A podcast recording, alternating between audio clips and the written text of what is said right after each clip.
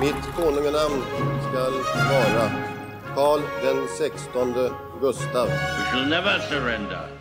allen Zeiten nicht die Mehrheit! Kom inte med en sån jävla provocerande och aggressiv ton mot mig. Där har våldet triumferat. Ask not what your country can do for you. Ask what you can do for your country. Ska vi verkligen öppna en till flaska? ja, vad fan har du att välja mellan? Skål, ta mig fan! I have a dream. Ah, I see you look at your leader. And I too look to you, Paul Bauma. It's one small step for man, one giant leap for mankind. Ständigt denna nervositet inför när man är lite för nykter. Jag Eh, såg precis att ett underlägg saknas. ja, jag har saknat två underlägg, men... Nej men du. Jag har Ja, då har du redan kommit till flaska nummer två. Nej, men jag kommer komma lite snart. Det kommer jag också i och för sig. Gör sådär då. Delar ut lite härliga underlägg. Jag känner mig som en eh, matrona på en... eh, Ja, Lunchservering. Vad, vad är det? En häst? På 15-talet kanske. En häst? Ja. Trevligt. Till det här då? Ja, en krona. Ja. Trevligt, trevligt. Och till det här? Vad associerar du detta med? Till, jaha dock. Ja, korrekt. korrekt. Ja, nej, men ska vi säga varmt välkomna till, till ännu ett avsnitt med salongsberusad historia. Vad är det för del? Det är del 9 kanske? I vår följetong om Sara Bernhardt? 8? 9? 9 är det tror jag. Ja, det är det. Det är 9. Det måste vara 9. Ja, Det måste vara det. ja men hur, hur leker livet med dig? Det är dystert. Nu är man tillbaka i gruvan och hackar dagarna i ända. Ja. Men eh, lyckligtvis så speglar ju klimatet, eller inte klimatet men eh, vädret eh, detta. Och eh, har visat sig från sin mörka sida. Så det är härligt får man väl säga. Trots allt. Så du inte missar någonting? Precis. Ja, jo, Precis. jo, jo, jo. Det då, sen sist? Jo, det inte så länge nu. Nej, det är inte så länge sedan. Vi spelade in ganska tät följd här. Tack gode gud för det. Nej, men det har varit bra faktiskt. Min älskade sambo har börjat kolla på The Crown. Eh, så, så fort hon är hemma så är det på i bakgrunden. Jag har ju sett de första två säsongerna. Det är väl den tidsepoken som intresserar mig mest då. Men så, då har man ju Churchill såklart. Då blir man in lite fäst vid Churchill igen och blir lite besatt och tänker på honom mycket. Så jag tänker mycket på Churchill senaste tiden. Men vi ska börja vårt avsnitt här om Sara Bernhardt och vi ska dra igång alldeles strax. Men först har vi faktiskt en lek.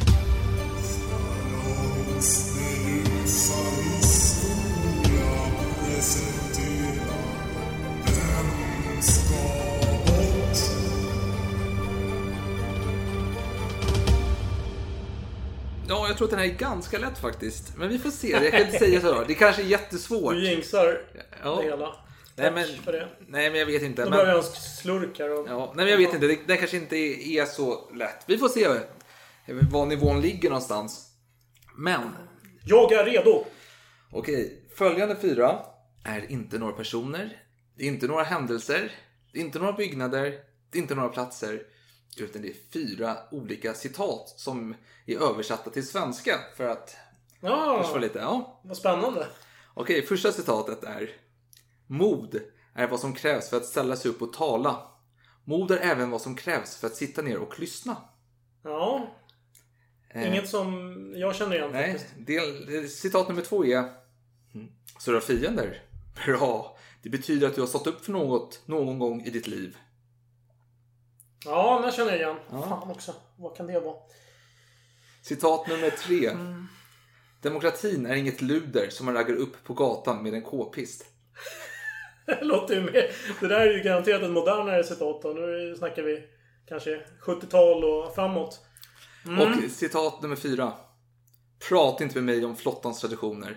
Det är inget annat än rom, sodomi och prygel. Flottans traditioner och rom, sodomi. Vem är det som kan säga det? Och pryg, alltså Andy Lash, jag vet inte man, hur man översätter det korrekt. Ja, jo, men piskan det, Piskan, ja. Mm. Kanske är rätt. Okej, så. Det sista var då någon slags sjömanscitat. Mm. Eh, och eh, det första var eh, att man ska sitta ner och lyssna ibland. Ehm, Ja, jag kan ta om det. Mod Mm. är vad som krävs för att ställa sig upp och tala. Men mod är även vad som krävs för att sitta ner och lyssna. Ja, det där låter ju kanske som en politiker möjligen då, eller en... en ja, Det skulle jag säga. Det är ett politikercitat. Ja. Eh, vad, kan jag få höra dem igen? För att jag, Ja. mina hjärnor går Nummer igång. två. Så du har fiender? Bra! Det betyder att du har stått upp för något någon gång i ditt liv. Det där är ju otroligt bekant. Vem är det som kan ha sagt det? Jo, men det kan vara Thatcher kanske? Ah, nej, vänta. Det var någon som sa det till Thatcher möjligen. Fan! Ehm, fan, det där kan vara ett gammalt citat. Det kan, kan vara från liksom antiken. Alltså, det, det är svårt att veta säkert där. Varför känner jag igen det så mycket? Det måste ju vara någon som jag ändå på något sätt har fattat något intresse för. Något slag. Eh, Ja. Så det är ingen sydamerikansk ledare? Nej, det är en europé garanterat. det där var lätt komplett fel. Men det är det. Eh, Och får jag höra det tredje igen då? Demokratin är inget luder som man raggar upp på gatan med en k-pist. Fan, kan, det är ju väldigt vulgärt sagt. Alltså, vem kan ha sagt det? Eh,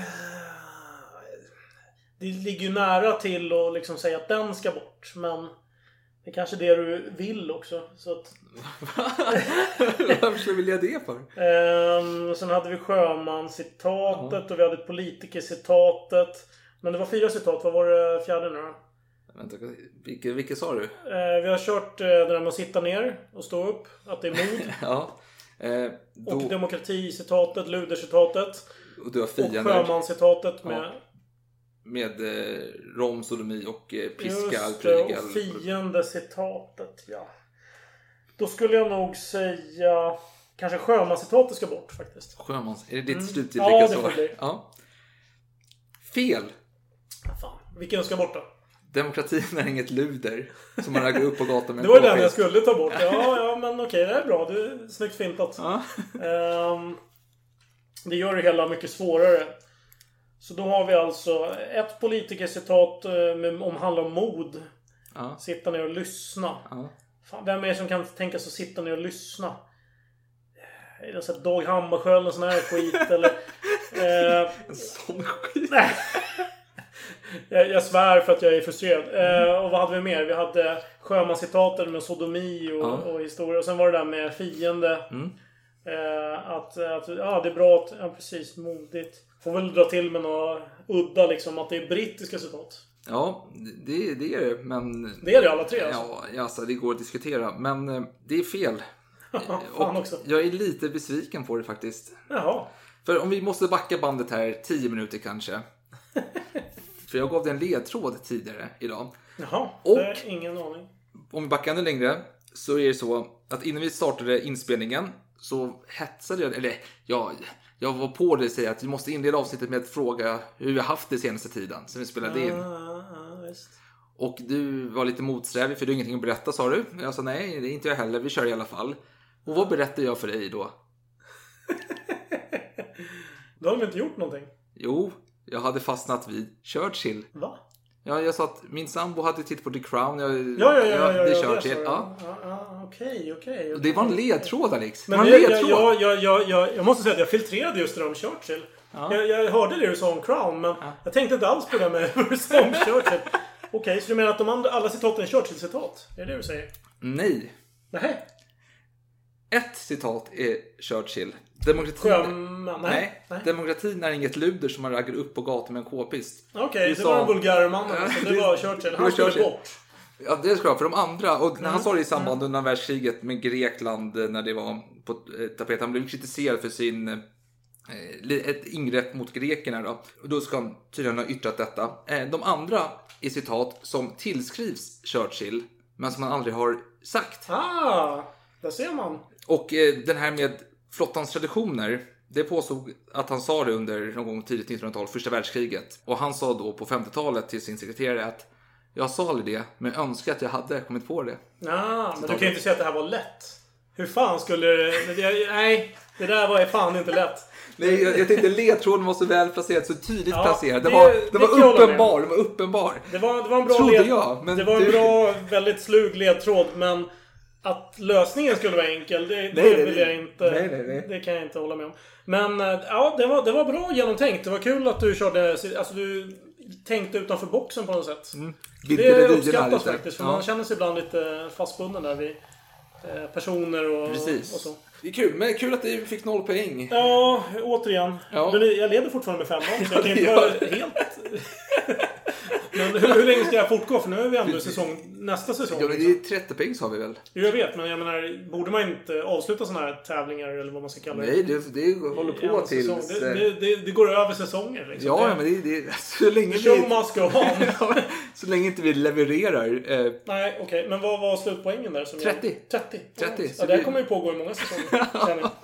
Ja, men, Men det är härligt. Det är härligt. Ja, du bra vad? jobbat där. Vi sätter på lite musik. Och så kör vi om Sara Bernhardt. Och så häller vi upp lite rödvin också. Ja, men det vore trevligt. Jag gillar rödvin. Åh, vad är det här för någonting? Eh, det får du läsa på etiketten. jag häller. Alltid. I love my country, indeed I do. But that war has made me blue. La Fleur I like Sprite, Picon? Det lät väldigt kort. Vad står det? Chateau, La Fleur, Picon, Saint-Emilion. Grand Cru. I 15. down. Det här var faktiskt en del av ett eh. I paket jag köpte. När jag, var, jag var där på eh, vinprovningar i, i Saint-Emilion eh, innan jag åkte hem till Sverige. Eh, och då fanns det en sån här härlig shop som hette någonting med 20. För att 20 på franska, det, det uttalas på samma sätt som vin. Ordet vin. Så det var någonting såhär, vin, vin, såhär, va, va. Alltså 20 slash... Va. Jag vet inte, det var en jävligt trevlig ställe. De hade ju extremt eh, eh, exklusiva viner också. Som jag dessvärre inte hade plånboken för. Men jag, jag tänkte att, nej vad fan. Nej, men erkänn. Du hade plånboken, men du hade inte lust att spendera så mycket pengar på vinerna. Du menar cojones? Ja, jag vet att Nej, där- Churchill hade spenderat pengar på vinerna. Nu gillar han inte, han var inte så mycket för rödvin kanske, men eh, om han hade varit det hade han ju garanterat spenderat pengarna på det. Men vet du vad? Skit i viner från Frankrike och din plånbok. Vi har viktigare saker att prata om. Vi ska prata om Sara Bernhardt. Vi avslutade förra veckan med en liten, liten tease kanske om eh, relationen med prinsen av Wales. Fanns en relation? Inte. Men, det får vi kanske återkomma till. Men det vi var, var var vi någonstans? Vi var i London. Hon hade anlänt till London. Äntligen! Var hon med i Comedy Française. Prince of Wales är den framtida Edvard den sjunde. Det stämmer bra det.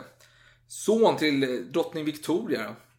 Precis, som var väldigt långlivad. Så Jo. den stackars prinsen fick ju bara regera i, vad kan det vara, sju år kanske eller någonting sånt innan han... Ja. Jo, men han fick göra en massa andra saker i sitt liv under Han fick tiden. göra en hel del. Bland annat eh, satt han ju... Bland annat Sara Bernhardt. eller vad var du skulle säga? Nej, nej, jag sa att eh, han hade en relation, påstås det, med eh, Churchills mamma. Det stämmer, ja. Fan, vad fan ska jag komma här och bekräfta det? Nej, jag, jag, kan, jag kan inte bekräfta, men jag har också hört det ryktet. Det kan Så- stämma. så han var- Det har ju skrivits böcker om hans eh, Sexuella... kärleks... Ja, okej, vi kan använda det ordet också. Ja, det var inte så Eh, mycket kärlek tror jag, det var mer sexuella eskapader. Precis. Ja, men låt oss börja. Vi, vi Låt är i. London. Jag tänker att eh, du beskrev ju hur hon möttes av eh, Oscar Wilde till exempel. Som eh, höll på att slänga fram blommor och grejer. Mm. Ja, ja, fan. Var väldigt entusiastisk. Och hon, Ja. han ropade någonting med Viv Sarah Bernard och allt möjligt. Ja. Det som är lite lustigt är att han pendlade ju mellan London och Paris. Så jag vet inte om han riktigt var... Han var ju Londonbo i och för sig, men det Ja. känns lite fake. Man vill ju ha en riktig Londonbo som hyllar en när man kommer, eller? Ja, men det var ju det. Det var en massa människor. Inte i London ska sägas. Eh, Jo, det var lite folk i London. Men när de steg av från båten, nu har jag glömt eh, var de gjorde det någonstans. Och då var det massa urbritter. Jag tänker så här lokala pubbritter som sitter där och inte gjort något annat i sitt liv. Sådana som har röda ansikten efter att ha varit ute i solen för länge. Ja, som ja. stora kaggar och en Englands fotbollströja på sig.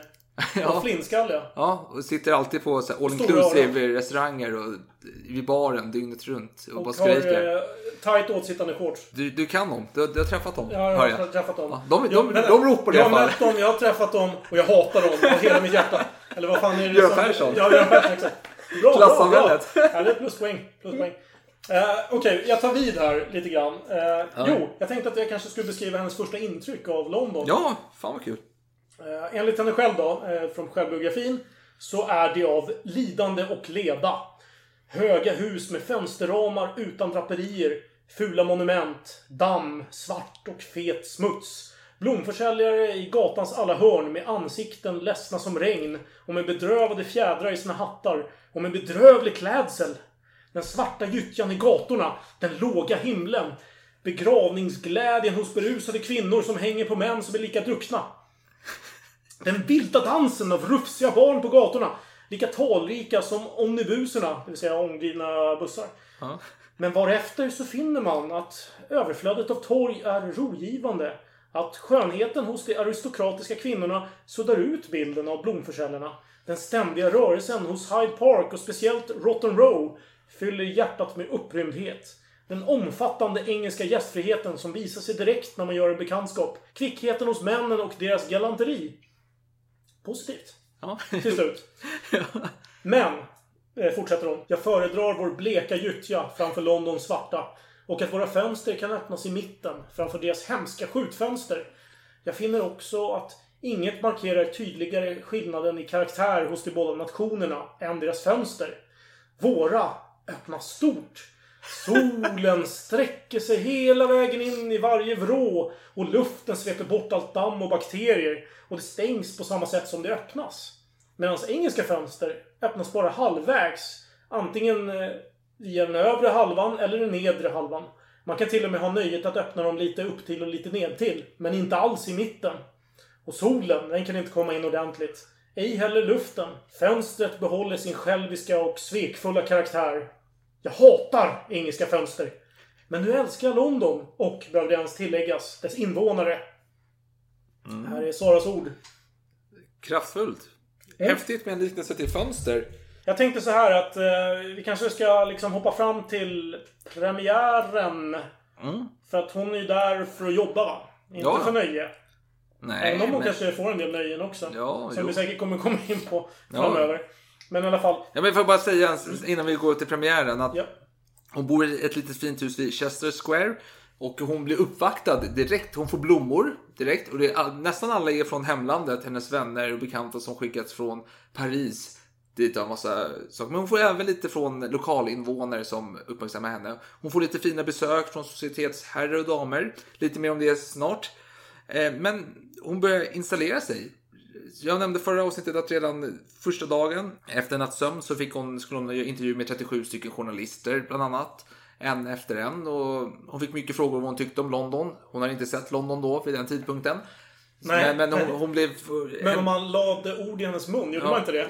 Och beskrev hur hon uppskattade de här olika vyerna som hon absolut inte hade åkt till. Då. nej. Jag, jag vill bara flika in här med att hon hade fått något tips av någon dam vad hon ska göra. Det var liksom befallningar. Du ska Ja. göra det här, du ska göra det här, du ska göra det här. Du ska svara på alla frågor, du ska tacka för alla inbjudan, bla bla bla. Hon gjorde inget av det här för att uh, Sara är väldigt rebellisk av sig. Hon gillar inte att få order. Nej, Eh, nej, absolut inte. Så att hon, hon eh, sket i alla de här eh, tipsen som Ja. hon hade fått. Men det gick ju bra i det här fallet för nu hade ju någon räddat situationen. Det var hennes promoter då. eh, Mm. Som, eh, för han som gjorde hennes privata föreställningar då. Mm. Han hjälpte henne här och han var lite ett PR-geni. Eh, genom att ta enskilda intervjuer och inte i klump då för att få lite mer spridning och karaktär på intervjuerna. Så det gick jättebra. Men nu i alla fall som du sa, det är 2 juni tror jag, 1879, första föreställningen. Just det, av Fedry som vi redan har nämnt ett flertal gånger Ja. i tidigare avsnitt. Och Sara var ju... Alltså hon säger själv att hon har eh, scenskräck. Mm. Och hon var jättenervös. För att den engelska publiken, de satt väldigt mycket tätt eh, ihop. Tydligen. Men de var mer tystlåtna av sig. Ja. Så de var kallare publik på något sätt. Ja. Så hon, hon var ju verkligen så här nervvrak kan man säga. Eh, Men hon, hon lyckades ändå. Hon överansträngde sig kan man säga.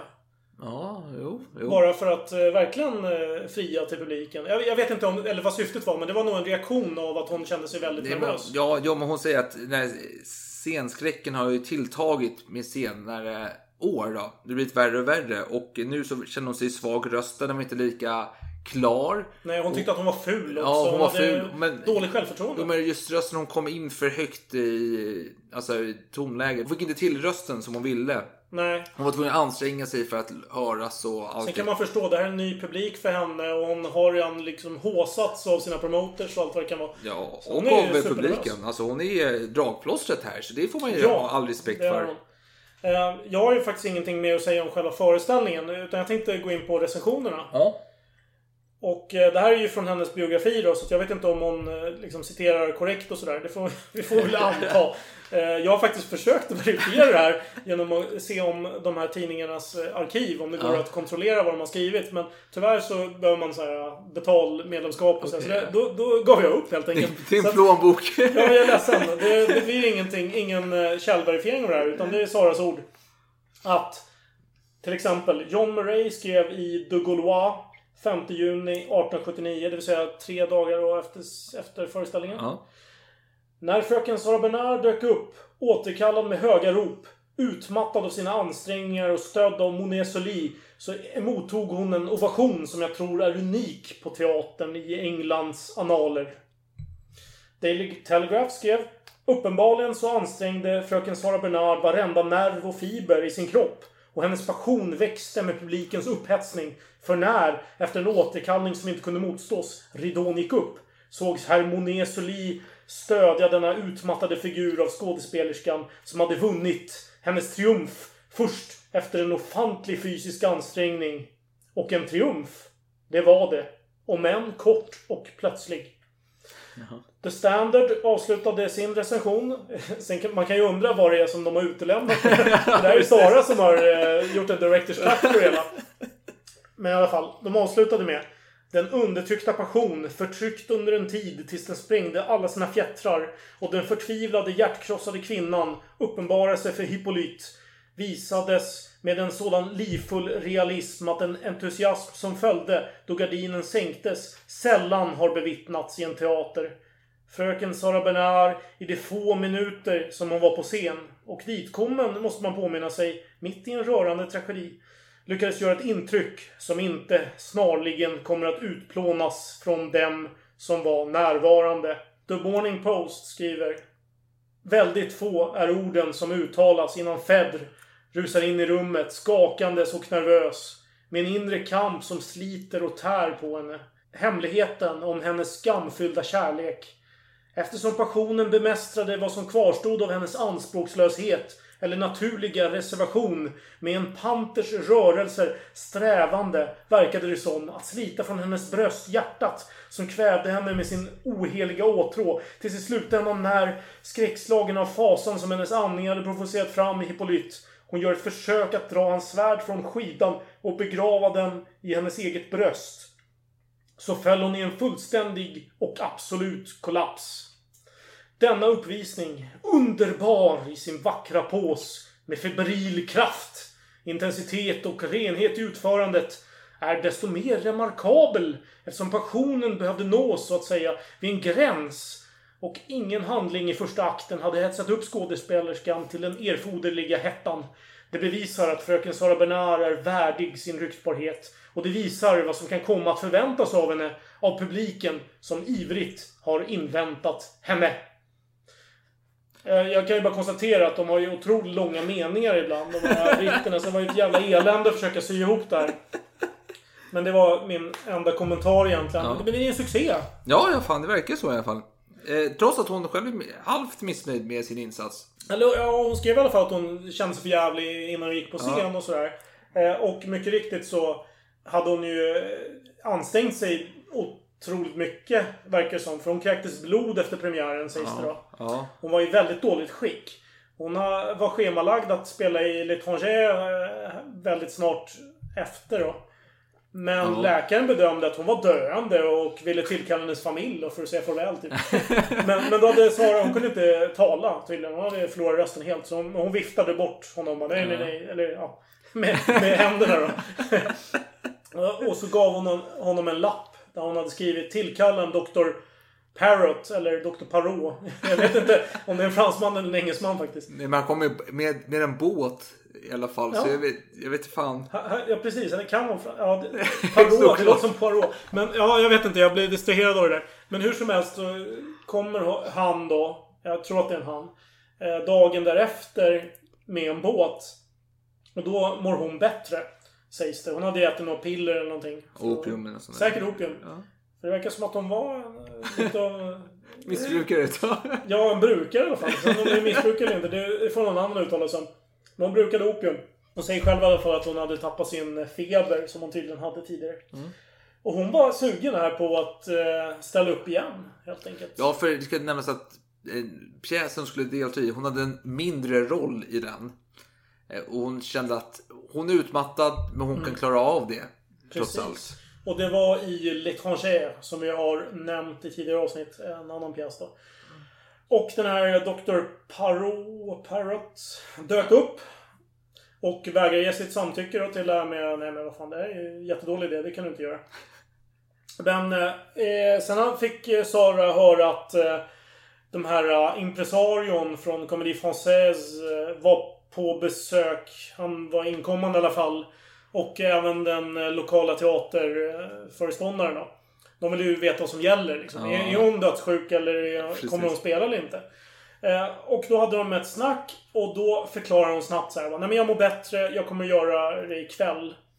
Men hon ville liksom inte... Hon ville på något sätt inte säga det framför läkarna som var i samma byggnad. Ja, ja. Både den där Parrot och den där andra som var innan då. Så att de... eh, Hon, hon sa så här bara, "Ja, men vi ses om en timme typ. Så här. Och så tog hon på sig någon kostym på något sätt så att de inte skulle se att det var hon. Och så smet hon iväg till teatern. Ja. Och så sa hon så här. Tärningen är kastad nu. Vi får se vad som händer. Och tärningen kastad, det är ju ett känt citat från Julius Caesar. Det vet jag i alla fall. Det vet de flesta. ja, okej. det, det tål att nämnas ändå. Ja. Och eh, hur mådde då Sara? Kan man ju fråga sig. Risigt tror jag. Hon svimmade faktiskt tre gånger när hon eh, bytte om. Hon hade tagit opium, mycket riktigt, eh, nu igen då verkar det som. Vilket gjorde att hennes huvud kändes tungt och hon var halvt medvetslös. Ja, rimligt. Ändå gick det ganska bra. Hon var liksom i ett töcken här, men eh, första akten tyckte hon själv, det här var ju helt okej. Sen så småningom då, i tredje akten, då tappade hon huvudet helt, verkar det som. Eh, för att hon hoppade över 200 repliker, Ja, sägs det. ja, jo, alltså hon glömde bort sina repliker. Och, Men hon höll ju masken jo, perfekt. ja, men hon hade den stora scenen med Croisette då. Mm, säga att hennes jag Ja, precis. Men hon nämner även att kvinnor inom teatern är mycket mer trevliga och mindre tävlingsinriktade än män. Män är mer missunnsamma och försöker göra allting för att Mm, Det eh, tycker jag var anmärkningsvärt. Att, skada. Alltså, s- har man glömt sina repliker eller är för nära kanten, de knuffar en över Ja. överkanten om man säger så. De, Precis. de Det, det tycker jag ändå är anmärkningsvärt att det var så. Jo, men hon menar då att det finns någon feminin sida i själva scenkonsten. Som lämpar sig bättre för kvinnor. Men skitsamma, det, det, det är. Nej, det vi det, ska det prata är om. bra att du får in det. För det, det är ju många så detaljer i hennes biografi som vi säkert inte tar upp nu. För att, I mån av tid då. Mm. Men det där var en av de grejerna. Det tycker jag ändå är Precis. intressant. Nej, men hon, hon har i alla fall sina repliker mot Croisette och hon glömmer bort dem. Och Croisette sitter och mumlar, alltså hon mimar replikerna. Hon viskar. försöker eh, hjälpa. Ja, hon, precis. hon sufflerar Ja. repliker här. Och Sara Bernhardt är så påverkad så hon hör inte ett ord här. Så hon säger då eh, i scenen att eh, nå- något i stil med så här. Jag har kallat på dig för att förklara varför jag agerar som jag har gjort. Men har nu tänkt över det och har beslutat mig för att inte berätta det för dig idag.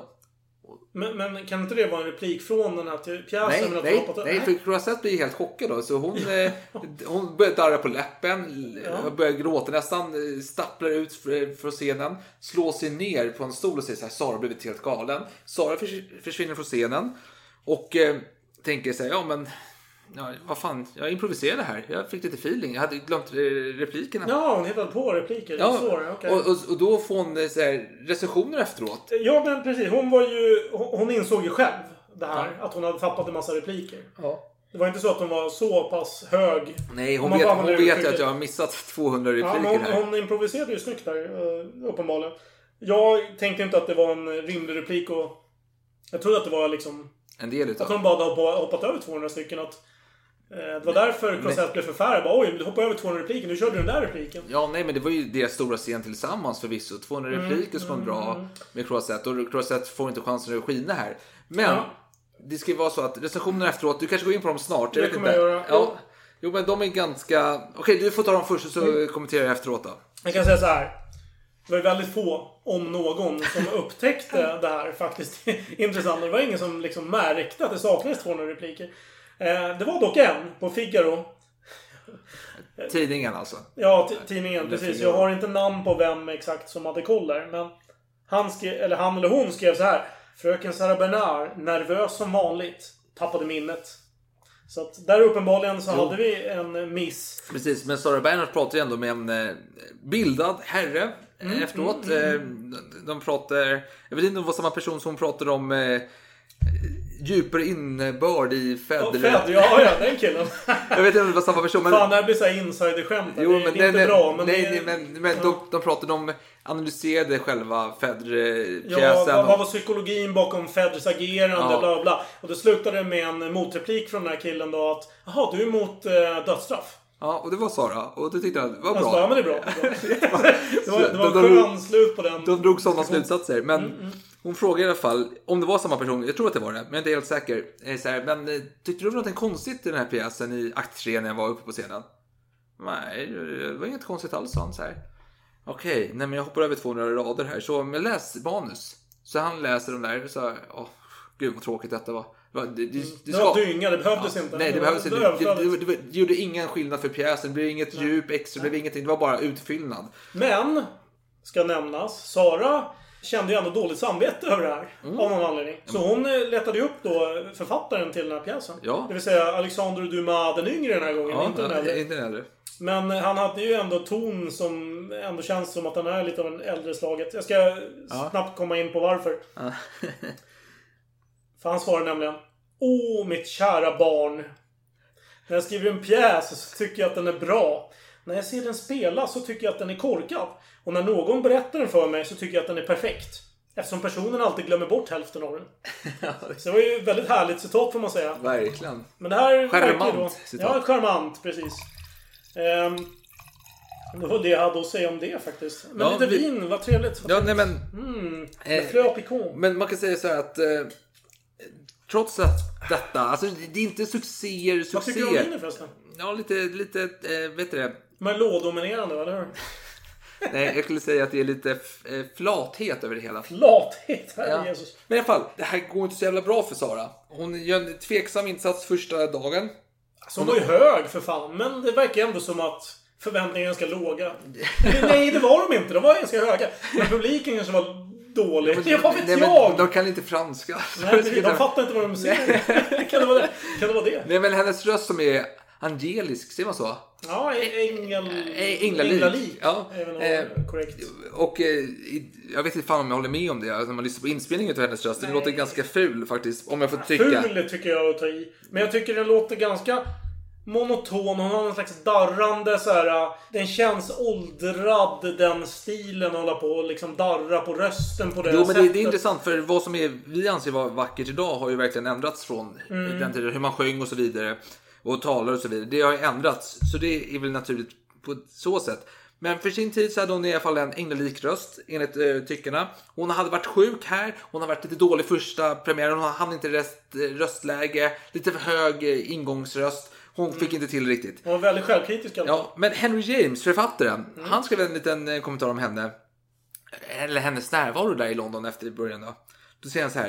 Det skulle kräva en viss uppfinningsrikedom att ge en uppfattning om intensiteten, extasen, galenskapen, som vissa skulle säga, av den nyfikenhet och entusiasm som mademoiselle Bernard väckte i, hos Londonborna då.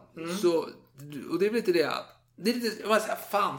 Alltså nu kan jag inte spy alla på massa moderna artister, men det finns ju de här um, K-popbandet, BTS som de heter, heter de så?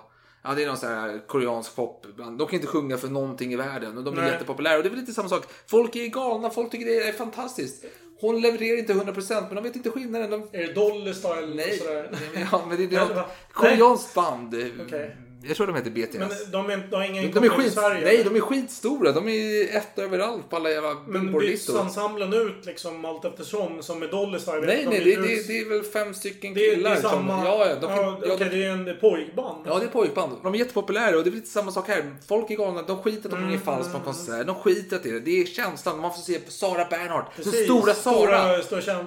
Precis. Ja, live. Och- Den gudomliga. Precis. Återigen till Oscar Wilde. Ja, den Eh, irländska suputen. Ja, han, var, han uppvaktade henne på massa och hjälpte henne under den här Londonvistelsen. eh, Såg till att hon skulle ha Big Fam. Och då säger Sara så här På då. vilka sätt då? Ja, hon säger så här. Eh, de flesta män som är trevliga mot skådespelerskor och tillhandahåller tjänster har en baktanke. Så är det inte med Oscar Wilde. Han var en hängiven skötare och gjorde mycket för att göra det trevligt och lätt för mig i London. Men han verkade aldrig försöka uppvakta mig. Nej, okej. Eh, eller pay your court, jag vet inte fan hur man översätter på rätt sätt. Men det, Ja, men det tycker jag väl. Ja. eh, Uppvakta låter ju rimligt. Och, eh, ordet. och eh, han var kanske inte ute efter sån Nej, uppmärksamhet som nej, hon kanske är van vid. nej. Men eh, däremot Men så... hon var ju ändå kurtisan. Jo precis. Jo, men, men, jo, men det var inte- det han var ute efter. Han, han skrev ju en pjäs för henne framöver senare tid. Han var ju poet. Ja, ja, så han skrev med henne i åtanke för en pjäs. Mm. Det blev ingen succé förvisso tror jag. Men skitsamma. Men hon roade sig med societeten i London i alla fall. Eh, för när hon anlände så var det ju röd matta. Och då sa hon så här, är det, är det för oss? När hon kom till London då, då sa hon så här, nej det var eh, prinsen av Wales och hans fru skulle åka till Paris. Så därför den här mattan ligger kvar här. De åkte tidigare i morse till mot Paris.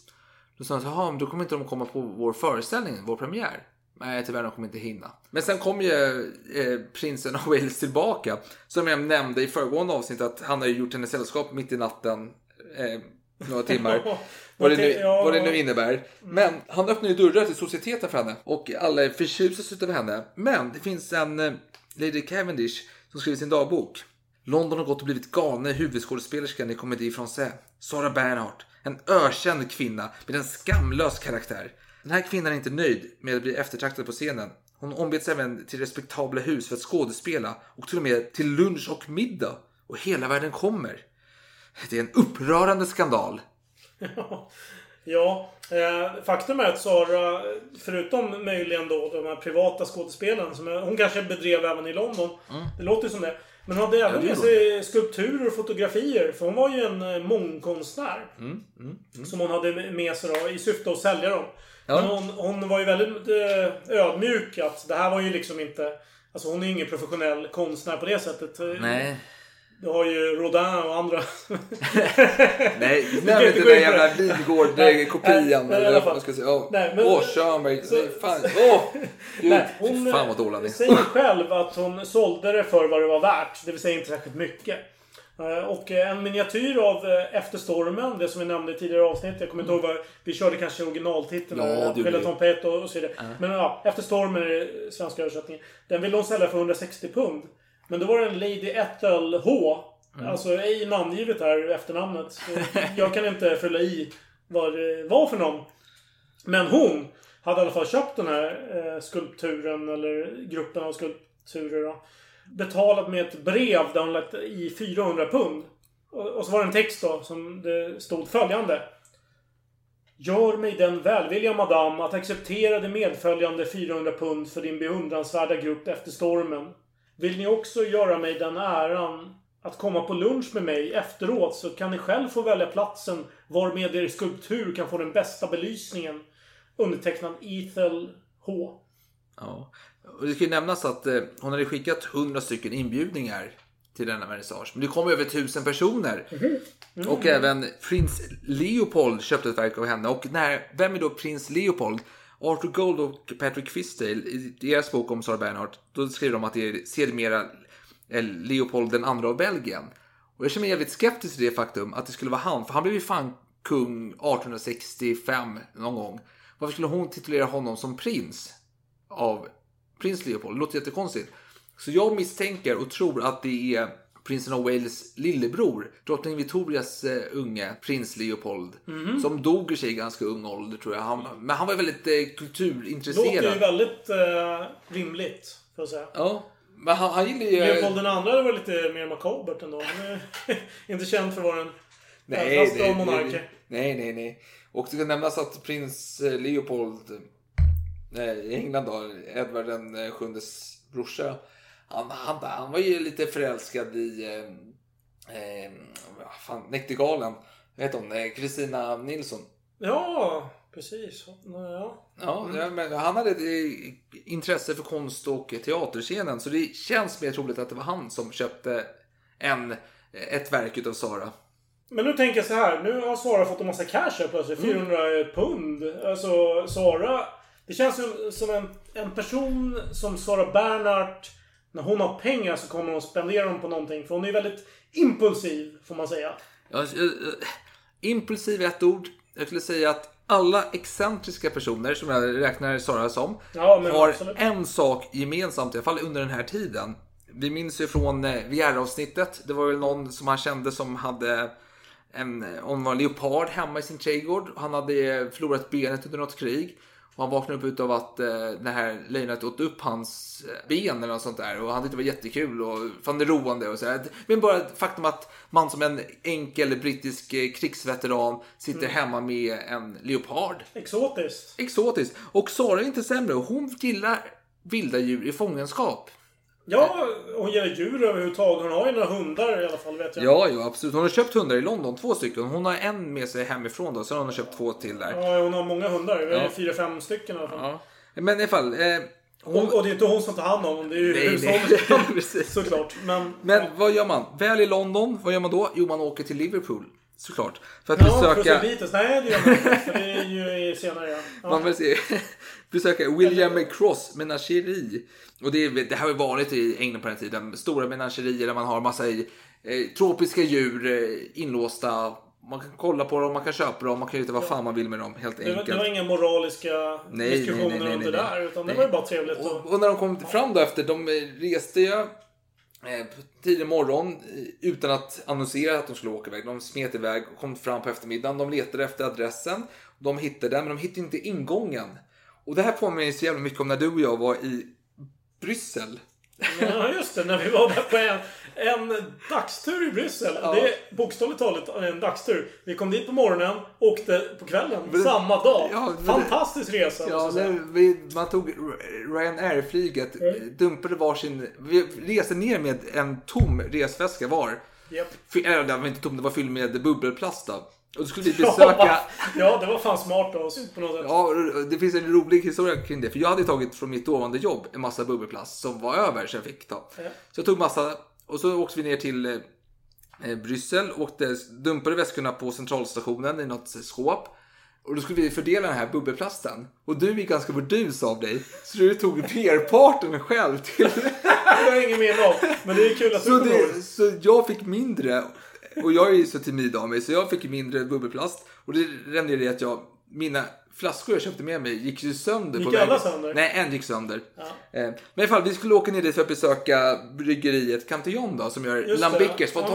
Lambicker är härligt. Och det skulle ligga ganska nära, i samma kvarter som den här centralstationen.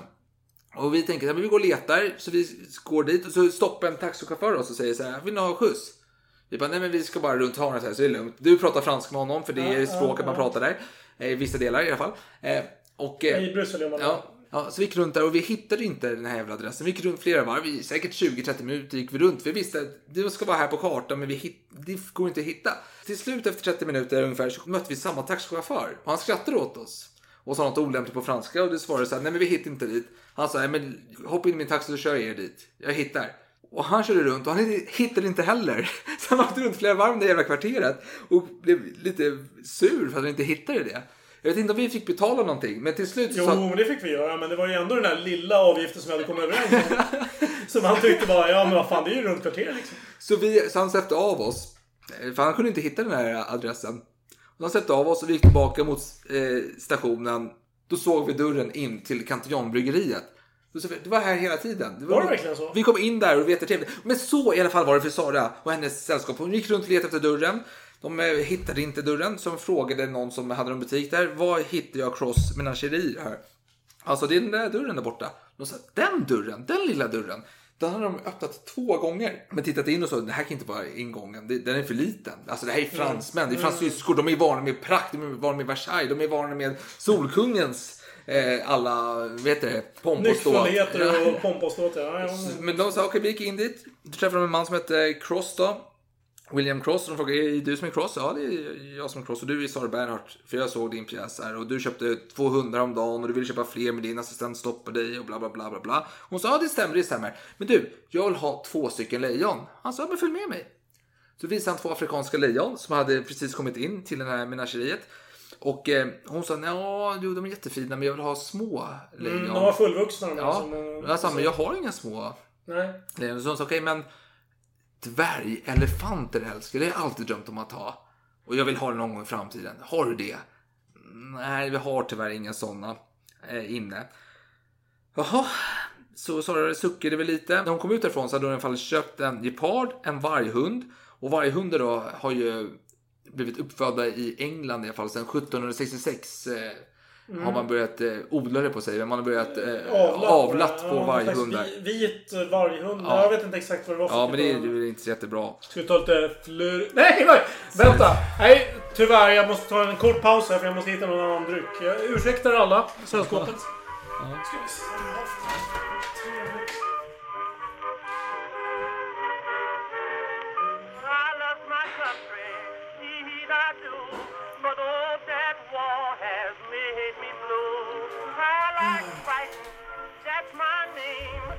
Jaha, du skulle ta den till provningen alltså?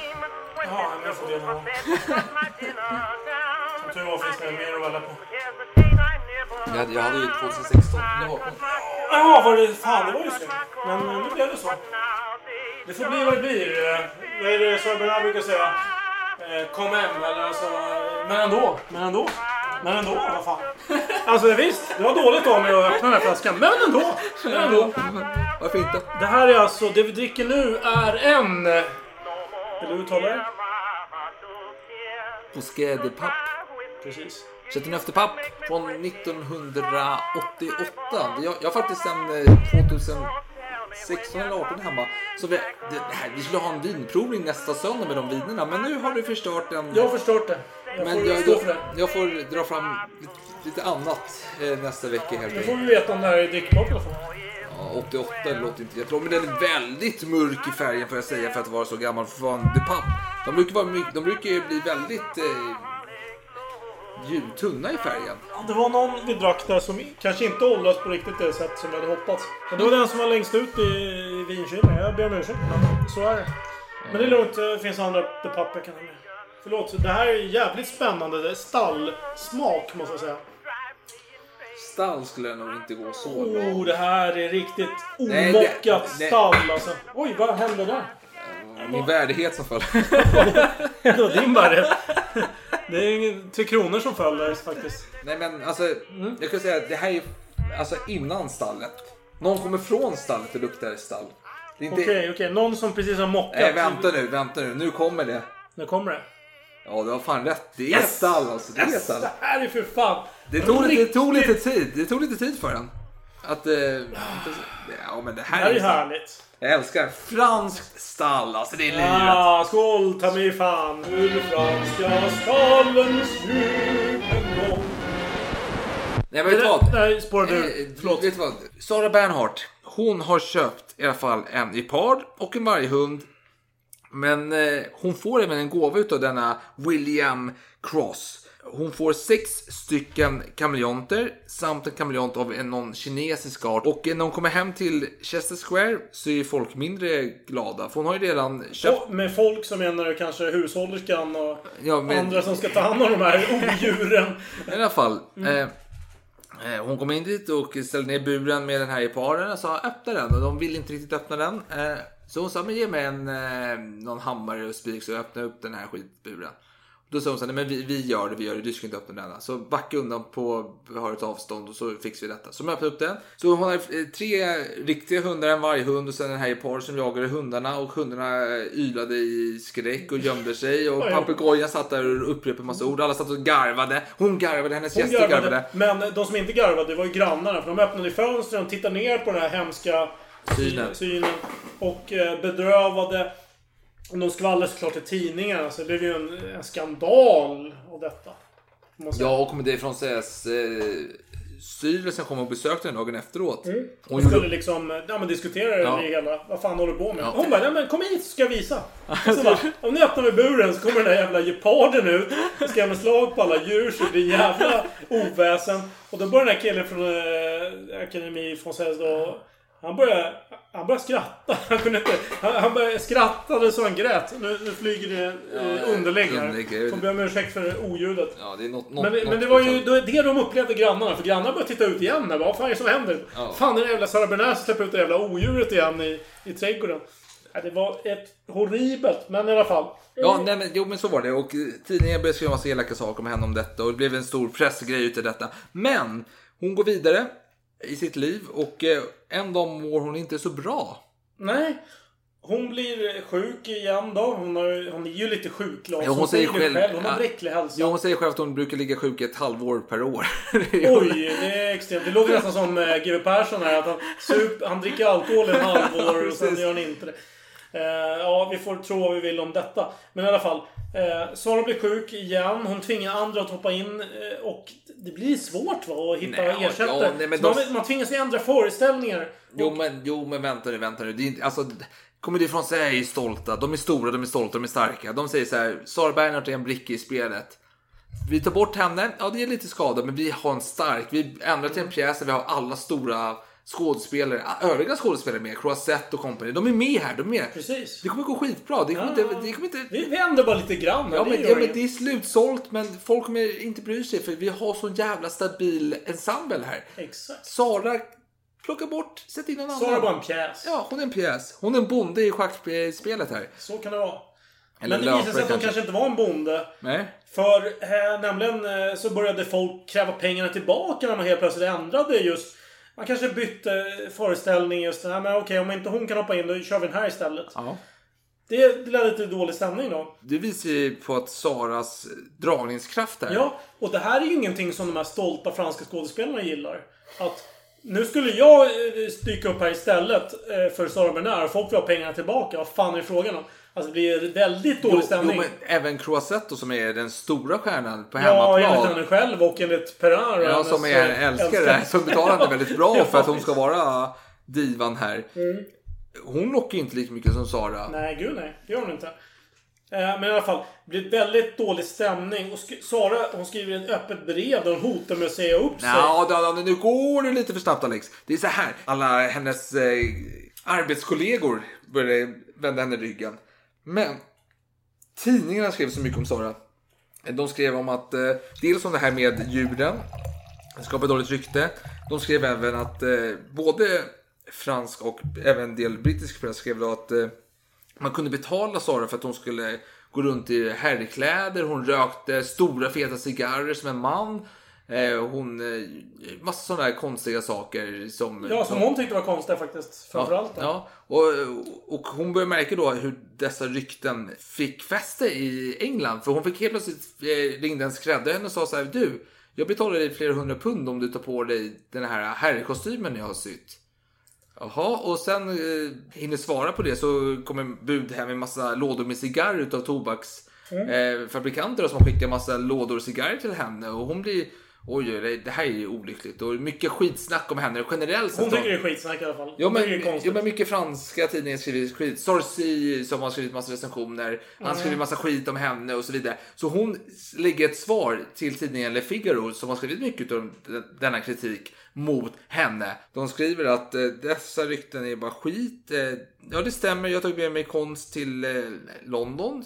Men jag skickar bara inbjudan till 100 personer. Jag har lågt pris. Jag är underbetald i Comédie Française så det är rimligt att jag har vernissage och att jag har lite extra spelningar på sidan om för jag är berättigad det för jag är jävligt lågt betalt jämfört med de övriga. Och är det så att det störs mycket så säger jag upp mig på, från Comédie Française. Och dagen efteråt så kommer alla på Comedy Française till henne och bara säger nej Sara, inte ska du säga upp dig. Nej, det, det vore drastiskt. Nej, det ska jag absolut inte göra. Nej, så alla är väldigt milda mot henne. Ja. Och det här är då eh, i samband med att hon eh, nu ska tillbaka egentligen till Paris med ensemblen. Ja. Och det gör hon. Eh, och, hon börjar snart få såna här hatmail. Eller ja, mail, alltså brev. Alltså klassiska brev. Eh, jag kan dra ett citat här. Eh, Ja men vänta, får jag bara ge lite bakgrund till ditt eh, Ja, hatbrev här. Det är att det är Molière-dagen och de är ju på eh, Molière teater, kommer ifrån sig då. Mm. Då har man varje år att du går fram till bysten utav Molière och lämnar fram något eh, palmeblad och bugar och sådär. Och det ska ske nu när man återigen öppnar Komedi från sig, Molière-teatern. Och inför det så har hon fått massa hat skickat till sig i brevformat. Ja, och det är samma egentligen med att de diskuterar med föreståndaren Perrin. Ja, att hon får en massa hatbrev. Och då tar de det minst hatfulla då. Av de tre, sägs det då. Och då citerar jag. Mitt kära skelett.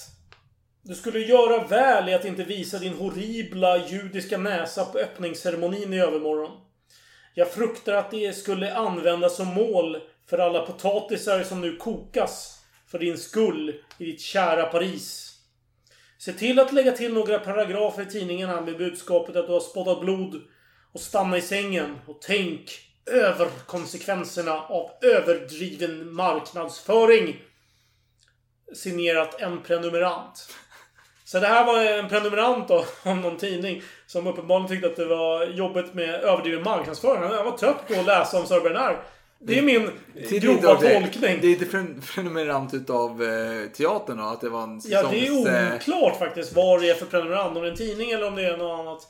Nej, men det... Ja, det, är, jag tänker ja, att han säsongsbiljetter på... det måste ju vara det faktiskt. Det, det låter rimligt. Ja. Vi, vi, vi kör på det. Det tycker jag låter bra. Harald föreslog att ja, de andra vill inte ens höra, sa han till Perrin. Och han sa så här, ja, ja, oj vad hemskt, är fruktansvärt. Men eh, kör på liksom. Ja, Det ja. var väl andemeningen. Ja. Och så småningom så tvingar eh, den här eh, föreståndaren Perrin. Han vill att Sara ska spela i pjäsen L'Aventurière. Och i huvudrollen då. Men vänta, in- innan vi går in på det här, jag vill bara säga att den här, hon gick i alla fall på Molière-dagen då, så gick hon fram, då kan man gå tillsammans, en kvinnlig skådespelerska och en manlig skådespelerska gå tillsammans och buga inför den Molière-bysten och lämna fram ett palmblad och sådär. Men hon ville gå ut på scenen själv, för det var hennes kamp den här mot publiken. Hon stod där, stod stilla och stirrade på dem, utmanade dem liksom. Och de började jubla och applådera och det var hennes största moment på teaterscenen hittills då, att hon hade klarat detta. Och att hon hade folket med sig. Men sen kom i alla fall den här teaterpjäsen du ska nu berätta lite mer om. Mm, mm, Eh, och då vill jag bara säga att hon hatar manuset och vill absolut inte spela den här rollen. Ja, Varför då kan man det är en undra? bra fråga. Jo, alltså en beskrivning av den här pjäsen med en mening, för nu måste vi hålla det kort, lyder så här. En kurtisans fåfänga försök att inträda i normala familjeförhållanden. Träffande. Kan vara. Så att hon kanske kände sig personligt träffad av detta. Och kanske inte ansträngde sig till det yttersta för att repetera. Och så vidare. Det kanske påminner henne om henne själv på ett nedlåtande sätt. Ja, alltså enligt henne själv. Nej, vi ska inte spekulera för mycket. Men, Men enligt henne själv var hon ju sjuk. Jo, jo, jo. Men hon... Ja. Hon, hon- hon fejkar sjukdom. hon låg i Vi säger som det är. Hon fejkar sjukdom. Jo, men, hon, men vänta, vänta, vänta. Ja, Okej, få höra. Hon själv säger att hon ligger i sängen. Hon ber om att vi måste skjuta upp den här pjäsen. De säger vi skjuter upp den några dagar. Det var torsdag hon sa det. Vi skjuter upp den till lördag. Okej, jättebra. Jag ligger sjuk. Hon kan inte träna på eh, sina repliker för att hon har Nej. ont i halsen, inte prata. Hon ligger i sängen och har mycket feber och ont. Och, och hon säger det även på en generalrepetition. Jag, kan inte göra detta. Det, det kommer bli ett fiasko. Ja, hon, hon har liksom preppat Ja. för att det kommer bli ett fiasko. Ja. Och Perrin säger du håller käften och gör håller detta. käften, gör ett jobb. Eh, och, och till slu- slut då så kan hon inte skjuta på det längre utan hon måste ju stå på scen. Hon erkänner då att hennes prestation var usel och recensionerna var också brutala. Så sägs det att hennes gester jämfördes med Virginie i Emile Zolas L'Assommoir. Något som Sara blir väldigt kränkt över. Jaha, det säger mig ingenting. Nej, varför blir hon kränkt? Det, det är ju en bra fråga att ställa sig. Okej, L'Assommoir, eh, som översätts till svenska... Eller ja, det är ju faktiskt inte en korrekt översättning, men den, pjäsen heter, eller snarare novellen heter Fällan på svenska. Ja. Det var en relativt nyskriven novell vid denna tid, då den släpptes 1877. Så det var ju bara ett par år liksom sen tillbaka. Eh, och det var... Jag bara föreställer mig att det kanske var en snackis. Det tillhörde kanske allmänbildningen att veta handlingen. Lite som Millenniumböckerna var för tio år sedan. Ja, ja, ja. Alltså alla förväntar sig ändå ha lite koll på det. Salander heter hon. Ja. Precis. Mm. Lisbeth Salander. Bara för att ge en bakgrund då till den här L'Assommoir. Det här, det här hånet då enligt Sara Bernard. Va, va, vad handlar den om? Jo. Huvudpersonen i novellen är, heter Gervais. Hon är en tvätterska och tvåbarnsmor som blir övergiven av den otrogne maken Lantier. Och hon gifter om sig och får en dotter. Och hon har lyckats följa sin dröm då och öppna ett tvätteri. Men efter detta så går allt åt skogen. Hennes nya man skadar sig, blir eh, ja, indolent kan man säga. Han får ätstörningar och han blir alkoholiserad och han slår sin fru också. Alltså det vill säga henne själv. Och Gervais hon blir så småningom också alkoholiserad och dottern blir prostituerad. Och Lantier dyker upp i hennes liv igen och blir hennes älskare. Och då kan man fråga sig, vad kommer då Virginie in i bilden? Det vill säga den personen som eh, liknas vid Sara Bernard i den här andra Ja, pjäsen. ja. Jo, hon är syster till kvinnan som Lantier övergav Gervais för. Hon dyker upp på tvätteriet och provocerar Gervais. Och bråket det slutar i en förnedrande scen där Virginie får smisk framför tvätterskorna medan Gervais sjunger. Okej. Och därmed så blev de ärkefiender. Och om vi fortsätter det hela så Virginie kommer snart att förgifta Gervais liv. Så att hon är en typisk så här, ja, gift, en re, revinna om man ska dra en, om man ska dra en fashion-referens här. Till Sophie Piper. Piper, ja. ja. precis. Det, eh, Jag är imponerad Alex! Ja. Du tog hennes gifta efternamn. Ja, inte fashion. men nu ska vi inte avbryta här min Nej, eh, okej, diskussion ja, förlåt, förlåt. Men i alla fall. Jag är imponerad i alla fall. Virginie, det är hon som då hjälper Lantier att komma tillbaka in i Gervais liv. Och eh, Virginie lyckas ta över Gervais butik, alltså det här tvätteriet då. Och får henne att jobba som städare i det som en gång var hennes lokaler. Hon tar också över Lantier som älskare. Och Virginie, hon ger bryska order och allmänt odräglig mot den här Gervais. Samtidigt som hon låter Lantier kyssa henne öppet. Alltså Lantier före detta eh, mannen då till... Och eh, ny, nya älskaren till Gervais. Hur som helst, Sara Bernards egen kommentar om den här jämförelsen. Citat. Den enda brist som jag aldrig har haft, som jag aldrig kommer att ha, är vulgaritet. Men i alla fall, eh, hon går upp på scenen. Det blir ett fiasko. Eh, hon får de här recensionerna. Hon skriver ett argt brev till Komedi Française-styrelsen. Eller Perrin då främst då, men det skickas ju till styrelsen då. Då skriver hon så här. Du kom ju bara åtta repetitioner på scenen och pjäsen fick bara tre hela genomgångar. Jag kände att du inte skulle uppträda inför allmänheten, men du krävde det absolut av mig. Det jag förutspådde har hänt. Det blev mitt första misslyckande på teatern. Och det kommer bli mitt sista. Jag varnade dig under generalrepetitionerna, men du ignorerade det. Jag håller alltid mitt ord. När du får detta brev så har jag lämnat Paris. Acceptera gärna min omedelbara avgång. Lite passivt aggressivt kan man tycka. Väldigt passivt Och aggressivt. det skickar hon eh, då till styrelsen då kommer det ifrån sig. Men för att vara på säkra så skickar hon även det till flera tidningar och som skulle publicera det. Så att inte de skulle försöka manipulera det här uh, kungörelsen får man Det säga. känns lite det som gick ju till Gaulois och Figaro också. Ja, men eh, vad händer då då? Perrin, han är ju en maktmänniska. Han, han hatar ju att någon trampar på honom. Det är i och för sig väldigt rimligt att hon bryter kontraktet här. Hon har ju ett kontrakt med Comédie Française.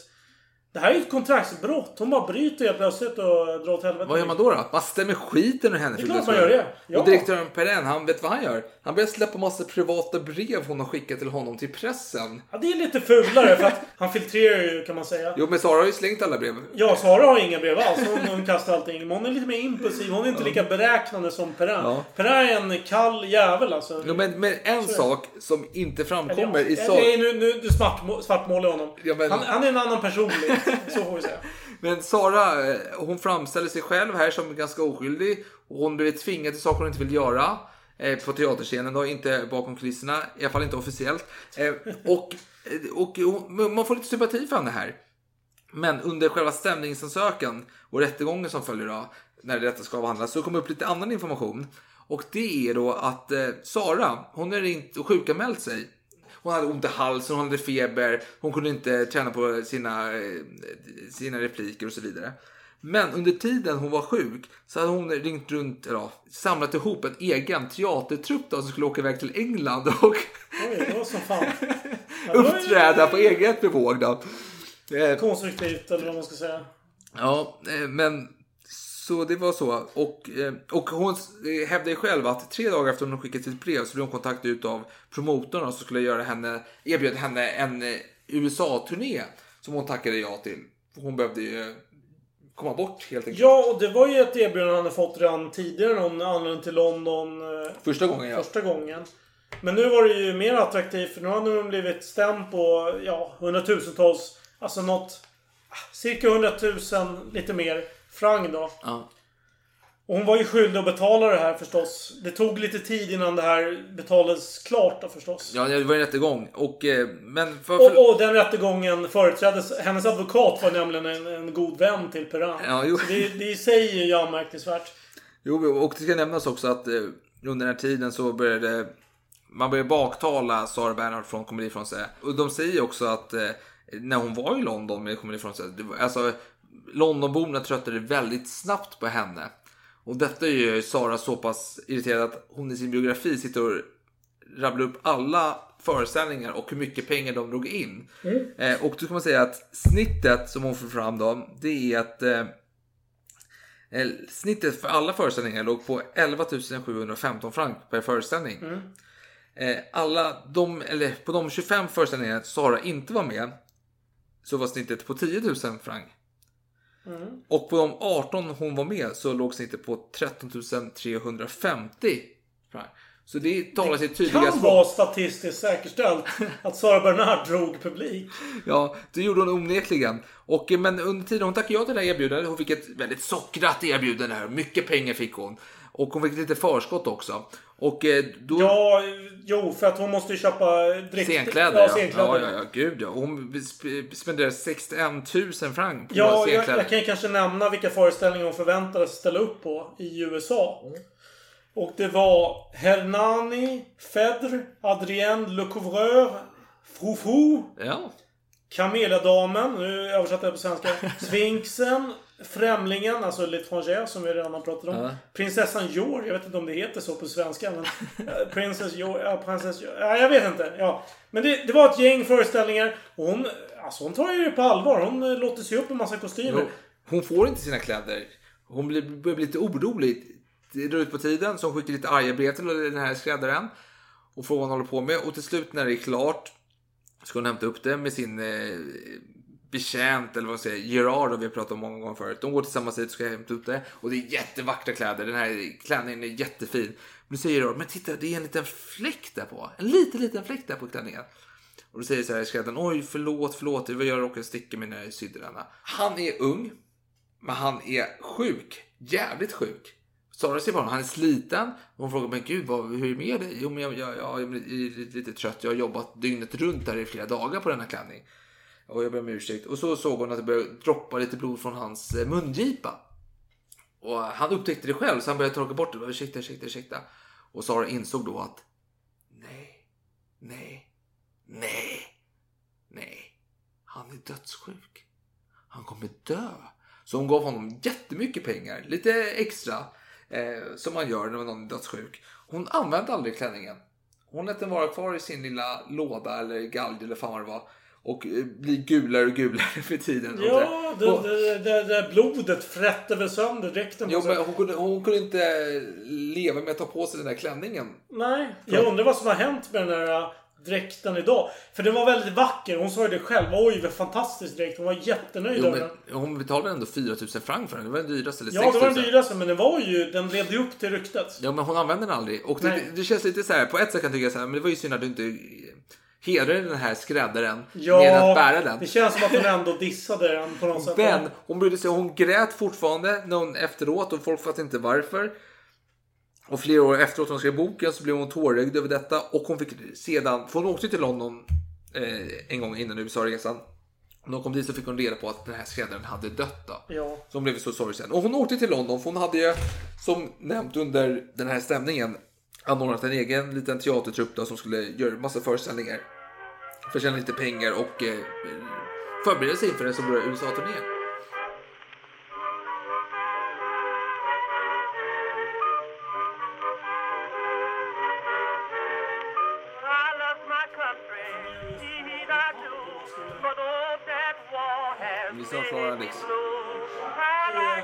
Like fighting. Jo, Jose Jack... Eh, Ja, Jack Blad och så vi måste prova också. Det kan vi faktiskt köra. Vi kan alternera det. Ta nästa söndag. Men jag tycker det här var ganska trevligt ändå. Om vi ska prata lite mobilet här, vilket jag tycker man borde göra. Åh, gud. Ja, härligt damm måste jag säga. Nej, Men det här vinet är ett år yngre än mig själv och jag måste säga att den har mer vigör än vad jag har. Det är bra betyg, det är bra betyg. Det är härligt, det är härligt. Det är härligt. Förlåt, var var vi någonstans? Vi var, vi var eh, den döende skräddaren. Men Döende skräddare. Ja, Ja, han som sydde Ja, Fed-dräkten. Precis, men i alla fall. Nej, men som vi sa att eh, hon har ju bokat in sig i London som en liten turné här. Egen, testa sina. Egenregisserad. eh, Ja, Som egenföretagare. ja, precis. Eller vad fan. Hur ska det gå? Och eh, eh, hon tror att hon ska slippa de franska eh, press, eh.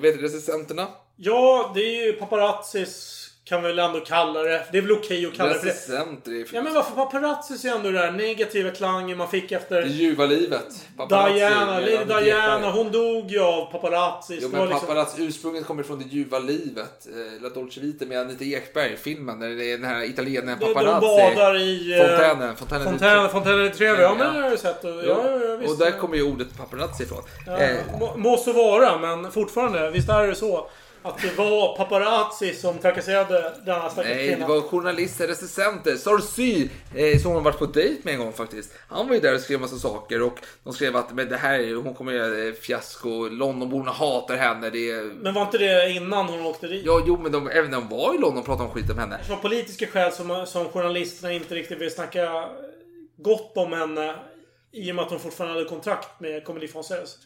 Nej, vadå? De pratade skit om henne när hon var under kontrakt med Comedy Française. Ja, exakt. Men det var ju för att de inte ville att hon skulle sticka. Liksom. Jag, varför jag, skulle de jag så här. trappan? Nej men alltså de är besvikna med henne. Hon, är, hon skapar skandal, hon är populär och alltså det är en fransk form av jantelagen här tänker jag mig. Ja, eh, okej. Sara sticker ut, eh, hon är medveten om det, hon får mycket Mm. uppmärksamhet. Fransmän tål inte att andra får uppmärksamhet. Ja, precis. Förr i tiden på Solkungens dagar då tyckte man att Solkungen ska få uppmärksamhet. Det är jätterimligt. Ja. Men sen efter monarkins fall där och republiken blev ett faktum. Då, ville, då blev jag helt plötsligt såhär, nej men vadå? Det är väl ingen som ska ha uppmärksamhet här förutom den som ligger med direktören. Oj, det var en intressant... eh, En tolkning. Ja, men i alla fall, i alla fall det vill säga är att när hon kommer när hon är första gången kommer ifrån sig, ja men då så blir hon sågad utav tidningarna. Hon är excentrisk, hon eh, tar för mycket utrymme. Hon kommer tillbaka till eh, Paris, hon gör skandal där, säger upp sig. Oj, det här är inte bra, vi måste såga henne. Hon ska åka till England, igen London, uppträda, vi sågar henne. Men när det här själva skadeståndsärendet har eh, Ja, avslutats, reglerats, ja, reglerats är väl rätt ord.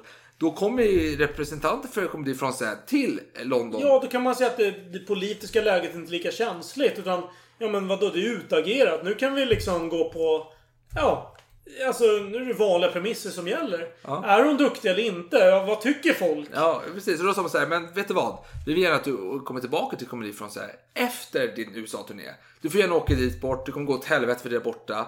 Men du kan komma tillbaka till oss efteråt och du är garanterad en roll. Mm, Och och de skickar ju någon agent där som inte kan... Det var den där Gott. Gott ja. Han var ju inte den charmigaste av dem. Nej. Sara skriver själv att i sin biografi att hade de skickat någon av de andra, några som hon hade större respekt för. Ja. Då hade hon säkert ly- lyckats övertygas. För hon var ju en, en impulsiv person. Precis, och precis. hon hade ju fattat tycke för vissa Ja. inom komedi, alltså Française, som var mer övertygande. Det, det spelar ingen roll om det är sanning det de säger. Är de liksom... Är de tillräckligt skickliga rent dramatiskt och övertygande så kommer hon tacka ja. Hon skriver det Ja. själv. Ja, ja. hon erkänner öppet. Ja, ja, absolut. Och, och någonstans som hon säger definitivt nej där till den här Mr Gott som bara tänker på pengar. Han är väldigt eh, fyrkantig på så sätt. Eh, eh, hånar henne, sågar henne till fotknölarna samtidigt som, som man säger att du, du har en plats här på vår scen. Men du kommer gå åt helvete för dig vad du än gör förutom kommer bli från så här. Vi är det enda som kommer fungera för dig. Och då börjar, när det blir ett def- definitivt nej, då börjar de här recensenterna som har skrivit skit om henne, Sarah till exempel, beskriva så här, vilken, vilken skam det är att hon aldrig kommer komma tillbaka till Comedy Française. Française. Ja. Vilken förlust för oss. Vilken förlust. Det är så synd. Det är så synd. Ja, de har ju verkligen kappvänt ordentligt de här recensenterna som Men det är- hatade Sara. Det är franskt ryggradsreflex att kappvända. Det, är- det ska gudarna veta. Men i alla fall. Efter en lyckad eh, turné i England så börjar jag tillbaka till Paris för att samla krafterna några två dagar innan man ska iväg till ett eh, lite miniturné till Belgien och Köpenhamn då. Vi pratar ju mycket i vår första avsnitt om Sara Bernhardt. Eller, det är inte del ett utan det är den här Föravsnittet. för- föravsnittet. Den smakfulla Sara Bernhardt. Då pratar vi om hennes Köpenhamnsvistelse Mm. under den här tiden. Men hon var även i Belgien innan som var lite en Sen är frågan om det är just den här vistelsen. För det kan ju ha varit senare också. Ja men vi nämnde den här vistelsen mycket. Okej, okej, okej. ja, för det var ju då... Mm, ja, för hon var i Köpenhamn flera gånger. Jo men, det, ändå- med denna nämnde vi ju när hon träffade kungligheter och fan hon träffade till med kung träffar- Georg den första av Grekland som är prins Philips farfar. Ja, ja, ja. Men, eh, och så det var den där baron Magnus också. så- Ja, ja, Baron Magnus. Den Ja, preussiska, eh, jobbiga, vad ska man kalla honom? En stalker kan man ja, säga. absolut. Men hon fick dåligt samvete när han skålade för eh, Frankrike och sa jag skålar för hela Frankrike. Hela Frankrike, precis. Då- antydde hon då eh, Alsace-Lorraine då som hade annekteras av eh, Preussen. Ja, ja Preussen, Tyskland. Preussen, Tyskland kan man säga. 70-71 där. Mm, Franska 70-71, kriget. Och, det blev en diplomatisk kris detta. Men det, Ja, det har vi... och det var, det var faktiskt den preussiska eh, representanten som fick skiten. Alltså Magnus där. Ja. Det var han som satt i, eh, i klaveret Ja. där. Men Sara vägrade att eh, göra någon slags... Nej men det kan, Korrigeringar det kan nämnas att eh, när hon sa den här saken, jag kolla fel Frank, det började orkestern då på den här, till exempel, spela Marseljäsen. Ja, nej men eh, känslan mellan Danmark och Tyskland var inte så bra. För sen de käbblade om några områden där. Så att eh, danskarna var ju patriotiska fransmän verkar det som på den tiden. Ja. Men i alla fall, det blev en massa politiska, Ja. diplomatiska Men- problem. Men vi har, vi har nämnt det i det, det Ja, avsnittet i alla fall. så vi behöver inte ta ja, det igen. Och i Belgien var som ett Paris i miniatyr tyckte hon. Det, Mm. var, det, var lik, det var liknande grejer. Men i alla fall, tillbaka efter den här korta turnén så träffade hon ett gammal bekant eh, sängkammarkompis, kan man kalla honom, Felix. Ja, Ducanel, hennes gamla chef från eh, Odeon. Odeon-teatern. Precis, och hon sa så åh gud jag vill se Frankrike och jag, jag, hon, hon är Mm. Han var, var inte han någon slags... eh, Kan man inte säga att han var en del av hovet där? Hennes personliga hov som hon Nej, hade. nej, nej, nej. Jo, det kan man, det kan man säga. det kan man inte jo, säga. det nej, kan man säga. Nej, nej. Hon beklagar sig Jo, du, men vilka hon träffar ju honom efteråt för hon har ju svikit honom. Hon, han har ju sparkat henne för att hon eh, spelade död där och gjorde, hon gjorde kontraktsbrott med Odeon Ja, teater. men det var ju ändå... Det var ju Jo, ändå han- politiska skäl. Det var inte... Jo, men han har alltid haft ett svagt öga för Men de gillar varann. Ja, henne. Helt klart. Så hon kommer till honom och säger Tja bara Felix, hur är läget? Ger honom en kram. Han klappar henne på ryggen, tre dunkar som män Tre gör. dunkar, ja. Ja, alltså, ja, så pass. Och jag är säker. Och sa så här, jag har kontakter, jag fixar. För han har ju kontakter. Så hon ska på turné här i Frankrike. Mm, 28 dagar, 25 Föreställningar. föreställningar. Det lovar henne ganska mycket pengar ändå. Alltså relativt sett. Vad var det? Så här 2000 franc någonting per föreställning kanske. Ja, det var 1 och 5, men jag kan ha Ett och fel. fem. Jo, nej men det kan stämma. Det kan Ja. stämma. Det, alltså det var inte, det var inte extremt bra betalt var det inte. Hon, hon lovades ju mer för den här USA-turnén till exempel. Men det var ändå, det var bra betalt. Ja, ja, hon körde det och hon, hon sa så här, jag, fick, jag blev eh, rundvisad. Alltså man, får tänka, man får tänka ändå att pjäserna gick ju på... Alltså totalt sett drog de in 10 000 kanske. Då ska man betala hela ensemblen. Så att det Ja. var ju inte extremt dåligt betalt. Nej, nej, nej, nej inte. absolut inte. Och hon fick åka runt och se massa kyrkor och byggnader som hon tyckte var jättetråkigt. Hon gillade att se dem på distans. Hon gillade att se silhuetter utav byggnader. Hon gillade att se ja, men Notre Dame-katedralen i Alltså jag tänker mig att Sara Bernard skulle trivas i 2000-talet. Hon kan bara swipa Instagram. Så snabba bilder av eh, kyrkor. Precis, hon gillar inte att gå in i de här kalla byggnaderna. Och hon Nej. fick höra massa lokal eh, historiker berätta om Nej, eh, dessa vad ställen. Ja, nej, men, ja, jag tycker det är charmigt, men hon tyckte det var Nej, otrevligt. Hon gillar Napoleon jag hatar Napoleon. Så det, jag, jag Fan vad vänder det här mot mig här. Jag försöker ju prata utifrån hennes perspektiv. Men okej, okej, okej. Ska vi Ja. vara på den Nivån, ja. nivån så visst. Nej men visst, så är det. Men hon Nej. ställde upp på det här. Hon tyckte det var trevligt. Ja, hon kommer tillbaka till eh, London. Nej, London, vad säger jag? Paris. Och det är dags att eh, bege sig av mot USA. Ja, för nu är vi... Om vi ska sätta en eh, tidslinje här på något sätt, vilket vi ändå kan göra. Så är vi kring september 1880. Ja. Och det var i oktober som hon skulle resa till USA. Ja. Och då vill jag säga så här att eh, vilka ska man ha med i sin teatergrupp när man ska till USA? För USA är ett land med ganska, på den här tiden, dåligt rykte. Det det, det är, något, det är ett land för laglösa idioter, mer eller mindre. Det är väldigt spännande att du pratar just om ryktet om länderna och sådär. För att just när det gäller London så hade hon ju fått höra väldigt dåliga rykten om London. Så hon hade ju skaffat en extremt varm eh, kappa eller eh, vad fan det var, någon slags rock. Eh, Extremt varm för hon hade hört att det var svinkallt i, i England. Så det var ju mycket, det var mycket stereotyper jo, som jo, gällde. jo, men kan man, kan man säga att Frankrike på 1800-talets mittslut, eller ja, egentligen från tidernas begynnelse fram till 1800-talets mittslut, var motsvarigheten till USA idag. Alltså, Ja, att, att man, ja, ja, men det kan man säga. Jo, men det är, det är inte en så dålig jämförelse. För jag, jag tänker mig just att Man, man, man- man är storebror, man sitter ner på alla andra, Ja. man är bäst i världen. En spännande sak var att eh, Sara Bernard var ganska entusiastisk när hon väl anlände till London. Så hon tyckte det var väldigt positivt, en del av det. Mm. Och när hon väl började yttra det då för sina, sitt sällskap. Så var de väldigt upprörda för de var patriotiska fransmän. Ja. Så, de käbblade om det där hela natten tydligen. Så det var ju väldigt starka åsikter om Ja. just det Och, och, och det gjorde det lite svårt just detta faktum. För fransmän är stolta människor, det ska Gud veta. Eh, så vilka ska hon ta med sig i sin eh, ensemble då, över Atlanten till USA? Låt oss... Eh, Eh, och... Eh, Eller vad fan. Berätta gärna! ja, hon fick med sig sin eh, fram och tillbaka älskare Edouard Angelo. Fan, det börjar bli många älskare här. Det är svårt att... Vad är det? O'Connor... Ja, ja, Arthur Connor var Och ena. Monet... Sally... Sally. Monet, Sally. Felix. Felix Duquesnel, var han Ja, också en av var- dem? var Sen har vi ju Edvard den sjunde då. Eller ja, Ja. eh, Prins of Wales. Prince of Wales som Fan, det börjar bli många här. Eh, Alltså, ja. Ja men, ja, men hon... Ja, men hon, hon... Nej men eh, hade hon någon stark relation Ja, till men hon spottar inte i glaset om vi säger så. Det ska Nej, Gud veta. nej, jag- Nej men eh, Ja, nej, men det, var, det var liksom ingen pik om, från min sida. Jag bara tänkte om det var några anhöriga hon kände. Jo, du... Någon eh, Du form av... slutshameade henne. Slut, ja, jag ber om ursäkt. Jag ber om ursäkt. Vi Ja, fortsätter. Ja, nej men Edouard Angelo. Fan, låter som en sån här rockmusiker. The Angelo och så här. Låter som en ja, men, så här, smooth jazz eh, kille va? The Angelo, eller?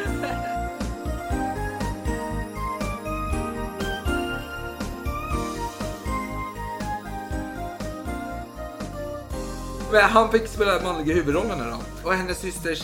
Det är äldre systern. Det är moden. Från avsnittet Den smakfulla Sara Bernhardt så minns vi att systern var med i Köpenhamn. Och eh, så hon hade varit med på den här turnén i England, Belgien, Köpenhamn och Paris. Men precis några få dagar innan avresa, vad hände då? You tell me. Hon fick en överdos, eller hon tog en överdos. Och, Av vad då? ja, det vet ju Gud. Opium eller hashish. Alltså det var ju, alltså Sara, jag måste bara Ja. nämna det. Sara var ju väl bevandrad i dåtidens eh, partydroger. Ja. Hon hade ju stenkoll här. Hon, hon snackade om hashish, hon snackade om opium, hon snackade om eh, en mängd andra droger. Och det var ju uppenbarligen ingenting som hon var främmande för att själv intaga. Men hon låter det lite vara osagt när hon själv tar det. Ja, ja. Jag förstår. Hon gillar att rejva. Ja men hon var ju en omodern ravare kan man säga. Varför inte? Varför inte? Varför inte? Men i alla fall. Så hennes syster måste skickas till ett sanatorium. Och då är det en vakant plats och det är några få dagar kvar. Och vem, vem ringer man när man behöver hjälp med kort varsel? Vem tror du hon ringer? Ett namn som har nämnts förut. Herre Jesus. För kvinnliga biroller i USA. Vem har den karaktären att skulle ställa upp att åka till det laglösa, vidriga Amerika för att ställa upp på en eh, turné? Alltså enligt deras synsätt, inte min Ja, synsätt. Crozette eller? Du tror alltså att eh, Perrins älskarinna, den stora skådespelerskan på Comedy Française skulle upplåta sig att åka iväg till skabbens högborg, ska man säga. Det vidriga USA för att uppträda för massa amerikanare, korkade amerikanare. Ja, det är ju När du framställer på det sättet så är jag fan tveksam alltså. Men hennes stora syrra då? Jeanne? Hon som fick tog en överdos som var tänkt Ja, att döda exakt, exakt. Hon hamnade ju på sjukhus. Hon- Ja, okej. det, var, det var ingen dålig gissning. Extremt dålig gissning. Vad fan har vi kvar? Nej, men har vi pratat om Crozette? Ehm... som kan Jag tror att alla lyssnare har kommit på det redan, men du är lite för trög för du är för full Alex. Det, det är ett ständigt problem för oss att du Jag blir för berusad. ödmjuk så accepterar jag denna anklagelse. Marie Colombier får förfrågan. Marie Hon, Colombier. hon som brukar skriva massa skit om Sarah Bernhardt, hon skrev lite böcker om Sarah Bernhardt efteråt. Där hon berättar om alla hennes kurtisan-äventyr. Mhm. Och eh, Sarah Bernhardt knackar på dörren och säger Följ med mig till USA. Och hon säger men va? Va? Hur ska jag kunna åka till USA? Och Sara bara, jo men du, jag vet att du kommer följa med. Trots alla våra bråk så kommer du alltid ställa upp för mig. Och hon säger, ja men mina kläder och hur ska jag lära mig alla repliker och Sara säger, men vi, du får låna kläder du kommer ordna sig med replikerna. Och eh, men det kommer mer så tacksamt ja då. Det var ju en kul chans att upptäcka den nya världen helt enkelt. Och eh, den franska pressen var dock eh, väldigt olycksbådande i sin prediktion inför Saras Amerika-äventyr. De trodde till och med att skeppet som de skulle åka med skulle sjunka på vägen. Men vad fan, de, de, om man ska använda moderna termer, ekonomisk teorier. Man hedgar helt enkelt. Man tänker att eh, vad fan. Det är väl lika bra att säga att det kommer gå åt helvete. Vad fan, skadar inte så illa om det går bra. Men om det går åt helvete så framstår ju jag som väldigt bra. Jo, jo, men de började skriva massa varnande texter om Rachels misslyckande i USA tidigare. Den franska pressen i alla fall, de tycker det är konstigt att Sara ska åka till USA. Varför då? A- Amerikanerna, de, de förstår ju inte det franska språket. De är ju vildar som inte förstår det. Och eh, de gillar absolut inte fin konst eh, som fransmännen erbjuder. De, eh, cirkuselefanter är konst i deras smak. Det är sånt de uppskattar. Alltså det är ändå, det är ändå giltiga anklagelser måste jag säga. Det är... Och, och eh, det är faktiskt Arthur Gold och Robert Fisted som sammanfattar den amerikanska bilden. Eller om det är ett riktigt citat vet jag inte. Men antingen är det sammanfattning utav den franska bilden nu utav USA eller ett faktiskt citat från en tidning från Frankrike. De säger så här att för sann framgång räknas ju inte i dollar utan uppskattning av det enda civiliserade folket i världen, det vill säga fransmän. Och, ja, vad kan vi säga? Vi kan säga så här att Sara hoppar på båten och båten tippar inte över utan den far med full fart mot eh, det nya landet, USA. Och mer om det kommer ni få höra i nästa avsnitt.